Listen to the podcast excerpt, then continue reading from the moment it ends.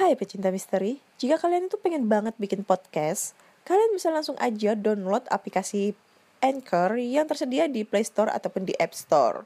Caranya gampang banget, silahkan tinggal download dan itu gratis tanpa dipungut biaya.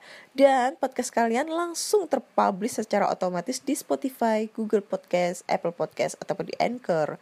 Hmm, gampang banget kan? Buruan coba langsung bikin podcast kalian agar kalian bisa berkreativitas seperti yang lainnya.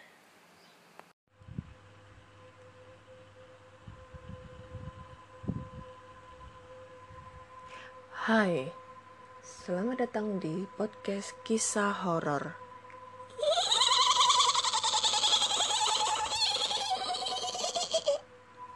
Udah, segitu aja ya. Aduh, lagi males banget. Nggak tahu kenapa aku hari ini tuh capek banget badannya. Tapi aku gak pengen ngecewain kalian dan aku harus update terus cerita horor. Beuh. Kali ini hari Rabu tanggal 6 Mei 2020 Udah cepet banget ya ini hari. Udah berjalan hari keberapa ya ini puasa ya? Udah dua mingguan ya? Ya kayak gitulah. Dan kali ini aku akan membacakan cerita horor dari teman-teman semua yang sudah mengirimkan melalui email podcast kisah horor at gmail.com ataupun di DM Instagram podcast kisah, kisah horor ataupun di DM Instagram Ana Olive.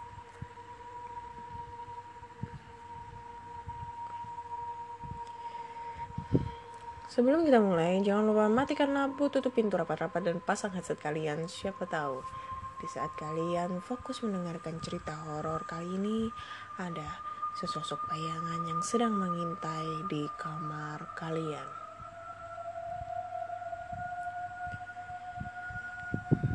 Selamat mendengarkan.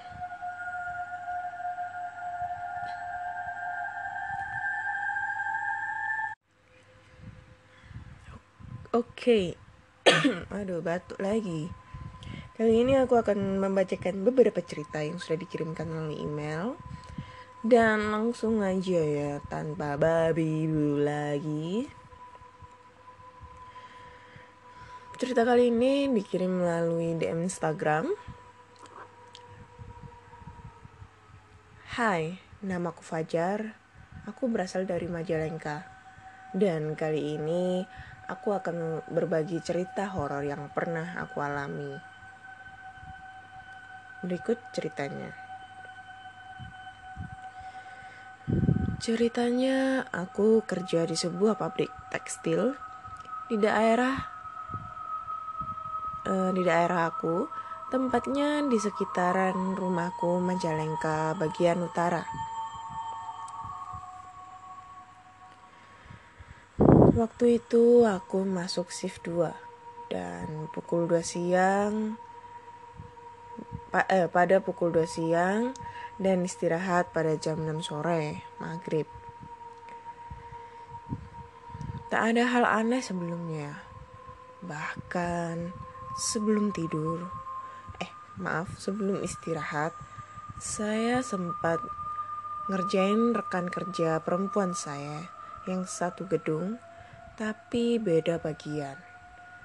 Saya bagian packing dan dia twisting.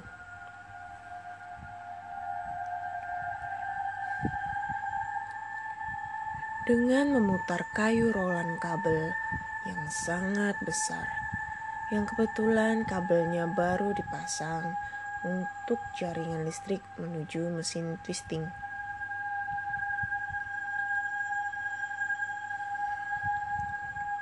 Kejadian aneh mulai terjadi ketika saya dan seorang teman yang satu bagian dengan saya selesai istirahat dan mengambil benang dari winding menuju tempat packing yang kebetulan berada gedung berbeda gedung dan karyawan yang kerja di gedung tempat saya bekerja di bagian packing waktu itu kebetulan setengah hari semua kecuali bagian saya.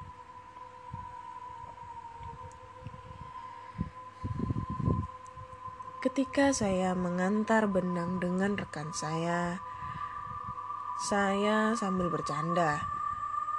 Saya naik di atas hand clip yang digunakan untuk membawa benang, sementara teman saya yang mendorong di belakang.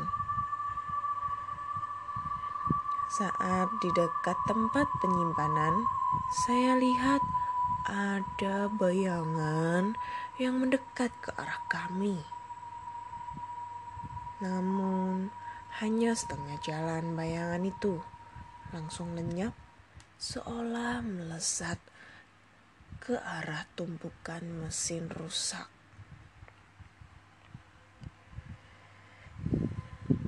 Saya mencoba bertanya kepada rekan saya, tapi dia tidak melihat sama sekali jawabnya. Setelah itu, kami meneruskan untuk menyimpan benang dan tempatnya di ujung gedung. Tapi hal aneh mulai terjadi. Saat kami menyusun benang-benang itu, bau bedak seperti wanita sedang bersolek tercium menyengat bergantian dengan bau busuk seperti bangkai tikus. Tetapi kami tetap melanjutkan karena kami pikir itu memang bangkai tikus yang tak habis dimakan kucing. Karena kebetulan pabrik itu baru dan masih semeraut. Jangankan kucing, ular pun tak jarang kami jumpai di dalam gedung.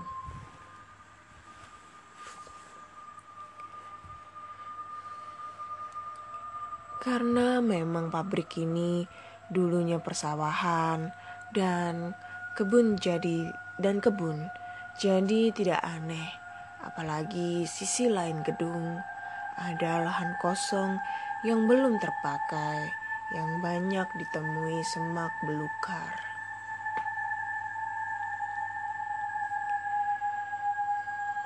Kembali lagi saat kami meneruskan Tiba-tiba teman saya menepuk-nepuk lengan saya dan seolah sembunyi menunjuk ke arah mesin yang rusak tadi.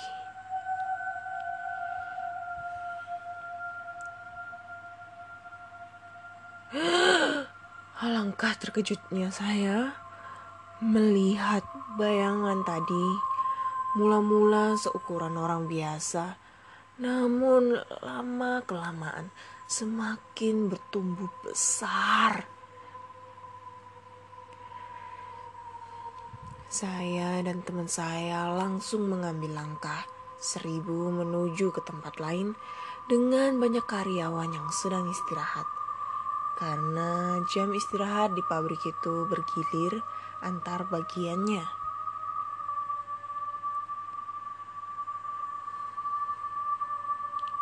Hari itu kami hanya meneruskan kerja membantu bagian spinning karena memang benangnya sudah tidak ada lagi. Harus nunggu dulu beberapa jam untuk diantar ke tempat penyimpanan.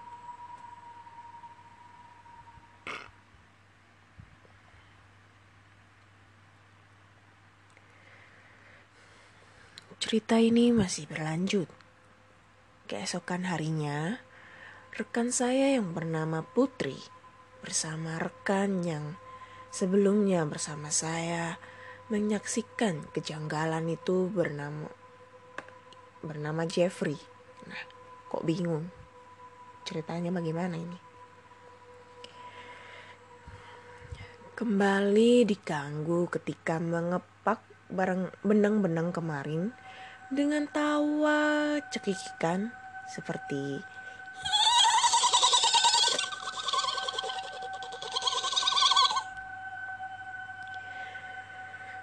dan tangisan serta penampakan anak kecil yang berlari di sekitar mesin rusak itu.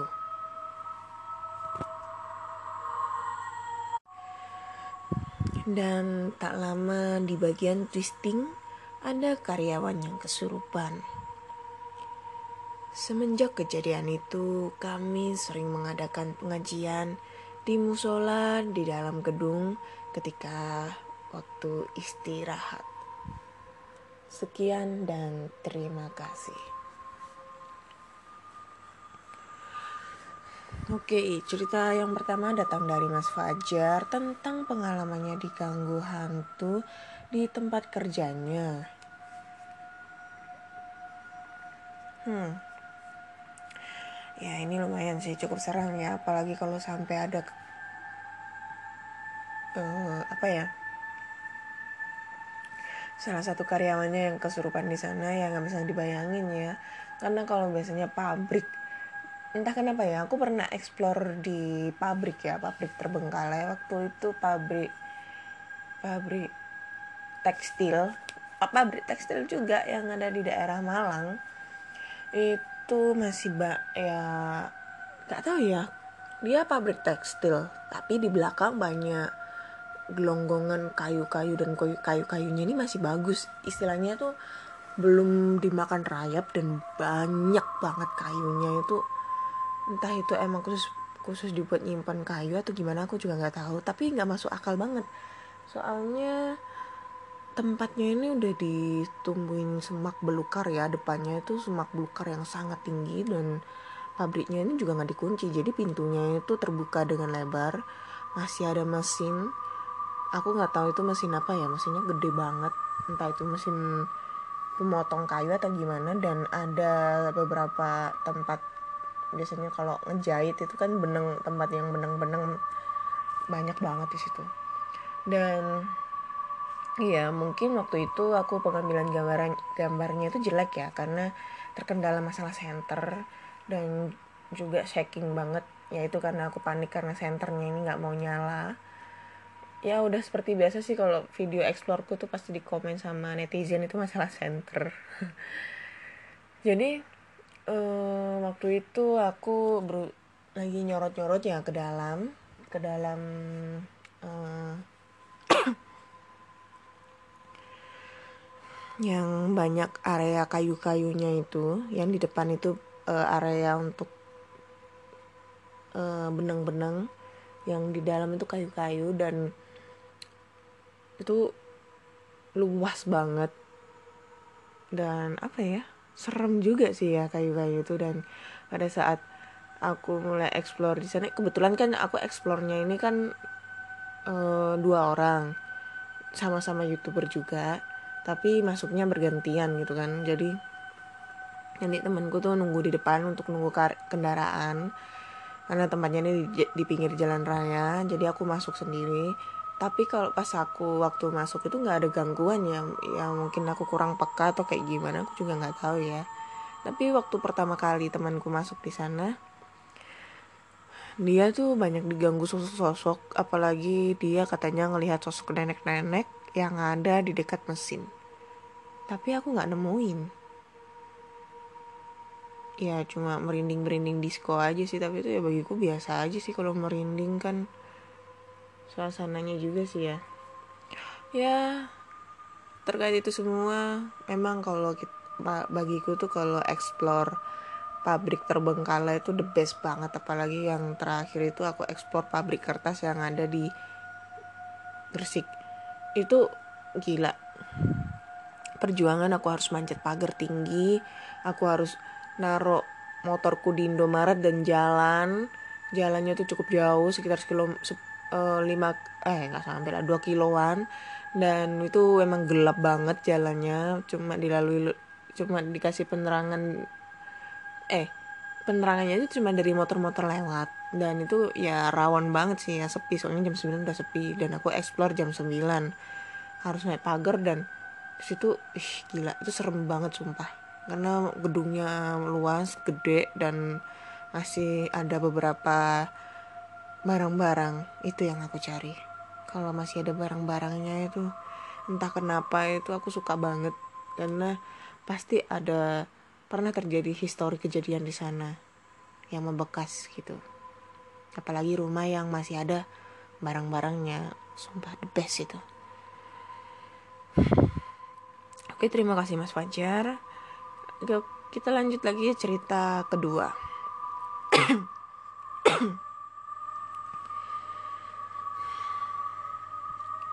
Hai Kak Ana, hari ini aku akan membagikan kisah yang benar adanya terjadi. Pengalaman ini dialami oleh temanku yang kemudian ia ceritakan. Begini ceritanya. Sebut saja nama temanku itu dengan sebutan Mawar. Dia sangat hobi traveling. Ketika dia sedang menaiki Gunung Papandayan bersama dengan teman-temannya, di tengah perjalanan dia memutuskan untuk berhenti sejenak dan mendirikan tenda untuk beristirahat, sebab hari sudah semakin larut.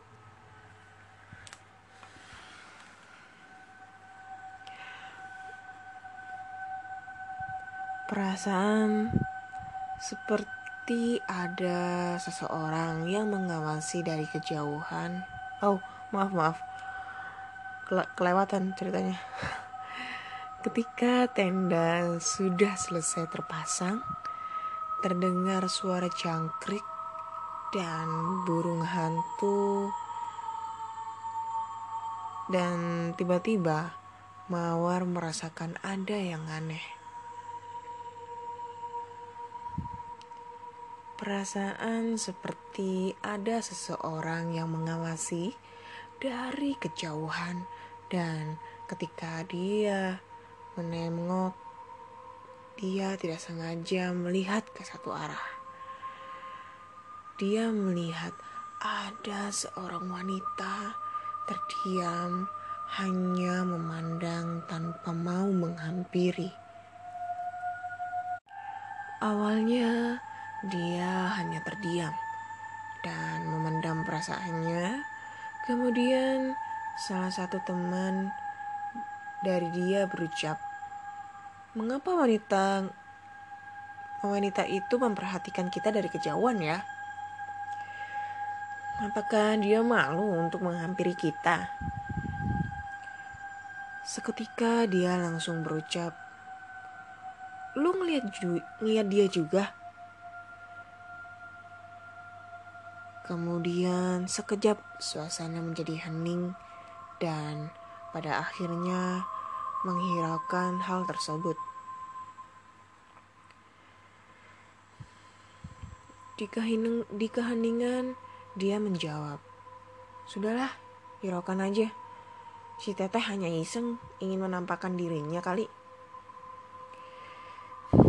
Dan kita pun lanjut aja mengobrol-ngobrol.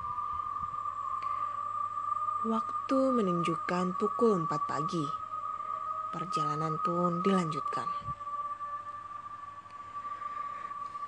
Namun ketika di perjalanan, salah satu teman Mawar, sebut saja dia Joko, dia berkata,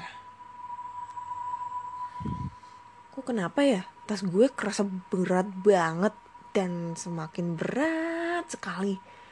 Padahal tadi itu gak gak bawa ini bawaan yang berat-berat. Punggung gue sampai pegel nih.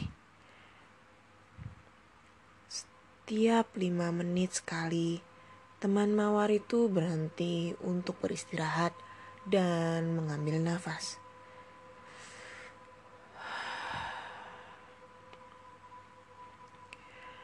Namun perjalanan tetap ditempuh setelah dua jam berlalu, akhirnya sampai juga di puncak gunung.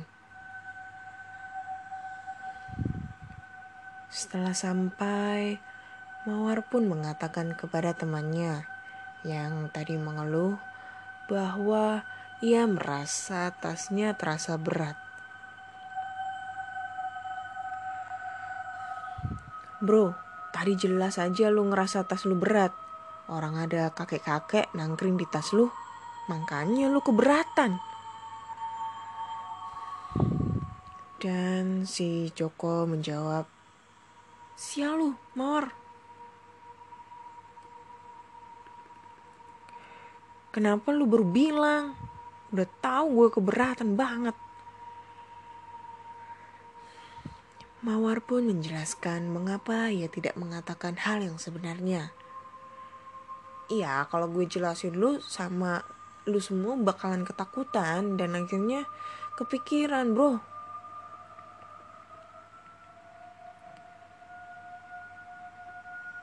Eh, udah ceritanya. Lah, kok gantung? Aduh, gila ini ceritanya cerita apa udah gitu aja jadi intinya dia itu uh, temannya si Mawar ini lagi ngedaki gunung bersama teman-temannya. Lalu ya istilahnya si Mawar ini punya kelebihan six sense gitu ya. Bisa melihat uh, mereka yang tidak terlihat. Dan pada saat pertama kali dia ngediriin tenda dia ngelihat sosok mbak-mbak ya mungkin Miss Kunz. Dan pas lanjutin perjalanan temennya si Joko ini kayak ngerasa berat banget ya tasnya. Padahal dia tuh nggak bawa barang berat-berat.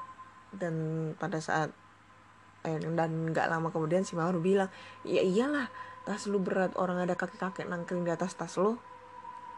Terus ceritanya sekian.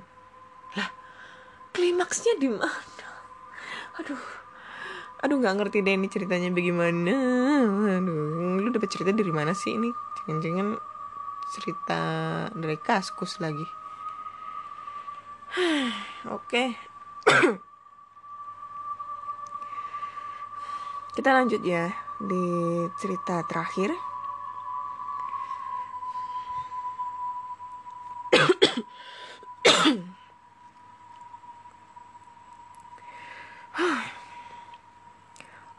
Waktu itu aku kerja sebagai penjaga malam di sebuah showroom yang menjual barang-barang antik. Nah ini kayaknya serem banget ini. Berasa kayak Annabelle ini ceritanya. Handicraft antik dan sebagainya. Pokoknya segalanya antik gitu.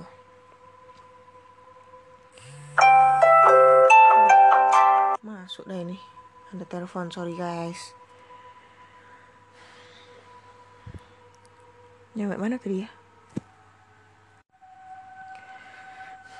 Selama aku kerja di sini, aku selalu mendapat pujian dari banyak tetangga. Yang kebetulan mereka juga bergerak di bisnis-bisnis kafe dan hotel. Kamu bener-bener pemberani, hebat kamu. Sempat juga sih akunya GR karena pujian. Hehehe. Setelah kerja seharian, akhirnya dua temanku kerja pulang. Aku mulai bersih-bersih tempat dan menunggu malam tiba untuk istirahat. Aku tidur di ruangan kecil dekat komputer. Keanehan mulai terjadi. Di depan ruangan yang aku pakai untuk tidur, aku mendengar keran air berbunyi dan terdengar air mengalir ke bawah. Semakin lama semakin deras suaranya. Aku bangun dan setengah tersadar. Aku melihat ada sesosok perempuan memakai pakaian putih sedang cuci tangan. Dalam hati aku berkata, aneh, perasaan mbak-mbak yang kerja di sini udah pulang deh tadi sore. Dan pintu udah aku kunci. Gumamku dengan nada spontan dan aku pun tiba-tiba berkata, Eh, siapa kowe? Eh, siapa kamu? dia memandang wajahku dan tersenyum. Aku jelas melihat wajah putih pucat pastinya seperti kalau cewek memakai bedak putih tebal. Dia berjalan ke sebelah ruangan tempat aku tidur yang kebetulan dipakai untuk tumpukan kayu packing. Aku mencoba mengikuti dia dari belakang, tapi di tumpukan itu dia menghilang. Aku jelas melihat dia menghilang. Paginya aku cerita pada tetangga sebelah.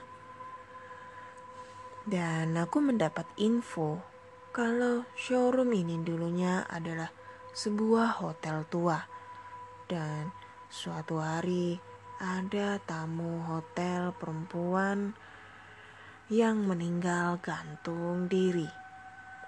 Dan kamar tempat kejadian itu tepat berada di sebelah ruangan tempat aku istirahat tiap malamnya. Aku pun tidak bisa melupakan kejadian luar biasa ini. Sekian. Wah ini mah nggak bisa ngebayangin ya. Jadi dia itu dia itu penjaga malam di sebuah showroom barang antik ya. Ya security lah.